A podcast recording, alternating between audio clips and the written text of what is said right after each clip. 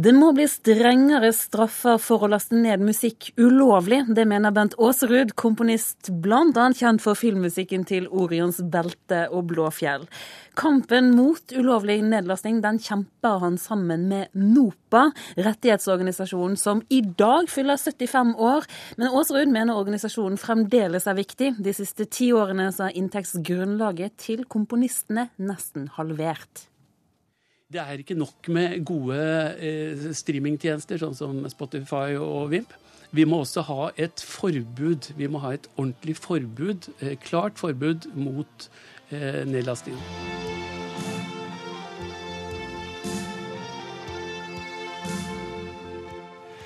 Dette er musikken fra filmen 'Orions belte'.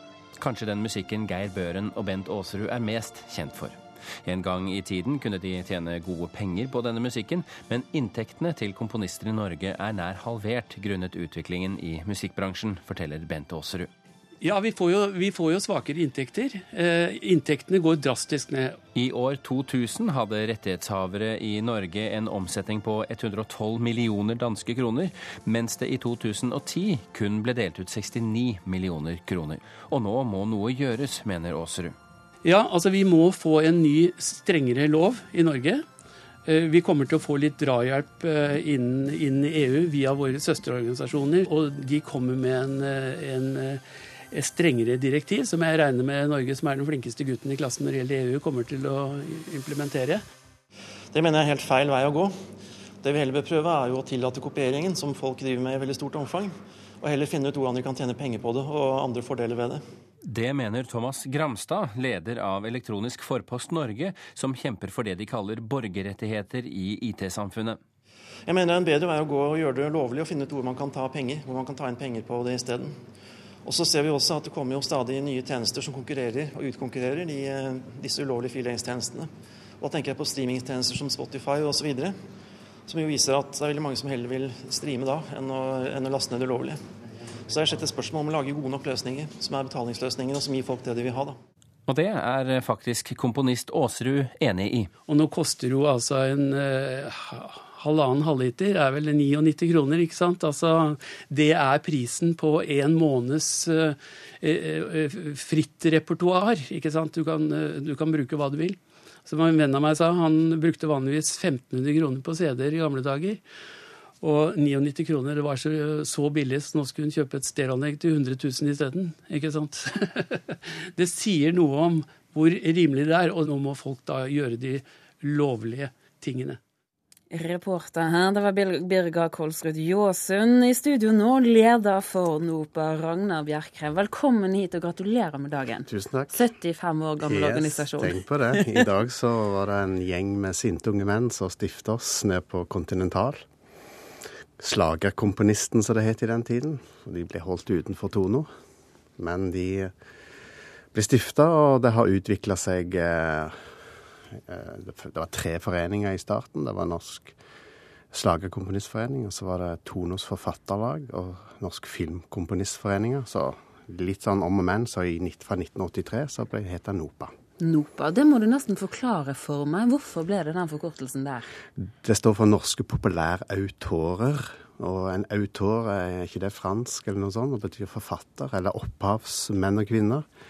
Vi strever litt med det ordet opphavsmann, for det er jo ikke kjønnsnøytralt. Men uh, som vi sier, opphavere har vi begynt å si, eller opphavsmenn og -kvinner. Så men nå bruker vi Norsk forening for komponister og tekstforfattere. Enn så lenge. En viktig kampsak for dere det har jo vært eh, dette med ulovlig nedlasting. Hvor viktig har det vært for dere? Det har vært veldig avgjørende for, både for oss som komponister og tekstforfattere, men òg for artister og for plateprodusenter. Det har vært viktig for filmprodusenter og bokprodusenter. Så Derfor har vi gjort i Norge en felles aksjon. Og det var nemlig Dele, ikke stjele. Og der var NOPA aktivt med. Og det er det eneste landet i Europa der alle kunstnere har gått sammen med produsenten og sagt fire setninger til styresmaktene. Nå må det gjøres noe med lovverket. Og nå ligger den saken i departementet.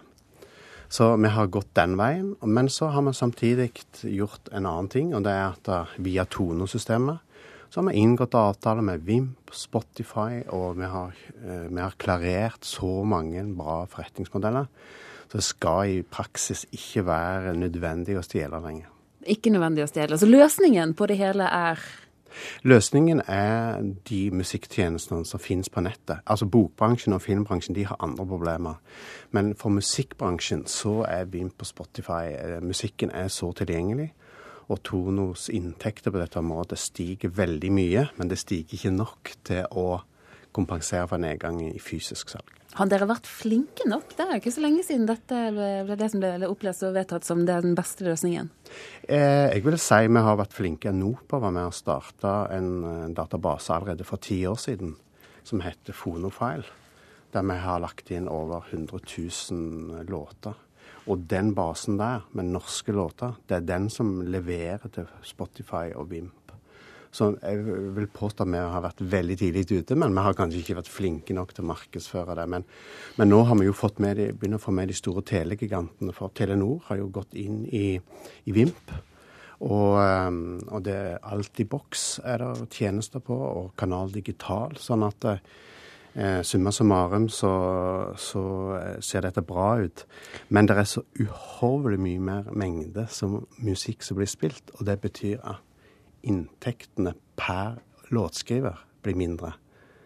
Ikke sant? Eh, mengden stiger, men ikke i samme, eh, samme format som, som, inntektene. da.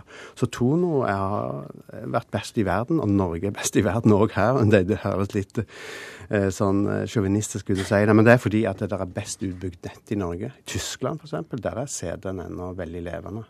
Så, så, så den musikk på nett har ikke kommet så langt. Du eh, leder som sagt en organisasjon som er 75 eh, mm. år gammel. Det har NRK markert i hele dag, kun å spille norsk musikk. Eh, altså, hva tror du blir de viktigste sakene for din organisasjon i årene som kommer? Vi må holde litt fokus på, på nettet ennå. Det er klart, ennå så må vi stenge hullene i åndsverksloven. Så det kommer til å følge med. Men en annen ting er de sosiale rettighetene for frilanskunstnere. Sosiale rettigheter? Ja, f.eks. Eh, karensdager ved sykdom. Pensjonspoeng, eh, som nå har heva for alle lønnsmottakere til 70. Hva, hva skal vi gjøre, som er frilanskunstnere? Fødselspermisjoner for kvinnelige frilansere. Og skal, skal da mannen til vedkommende ha rett på sånn permisjonsordninger? Så der ligger det en kjempebombe. Dere får nok å gjøre? Ja, men vi har igjen valgt å samle oss med alle de andre kunstnerorganisasjonene. Og vi har vært i møte med departementet, så her eh, Kulturpolitikerne eh, kommer til å høre mer ifra oss.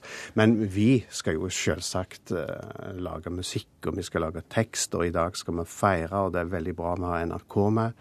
For, to, eh, for det har faktisk vært en radiokanal og TV som har betydd mest for norsk musikkultur.